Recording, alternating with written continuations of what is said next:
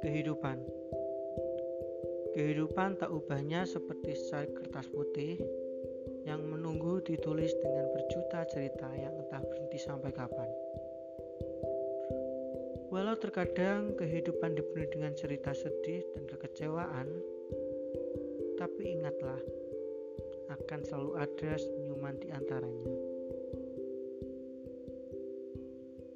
Mari bersama dan berbagi cerita kepada sekitar tentang apa yang telah diberikan kehidupan kepada kita. Mulai dari rasa amarah, sedih, hingga bahagia.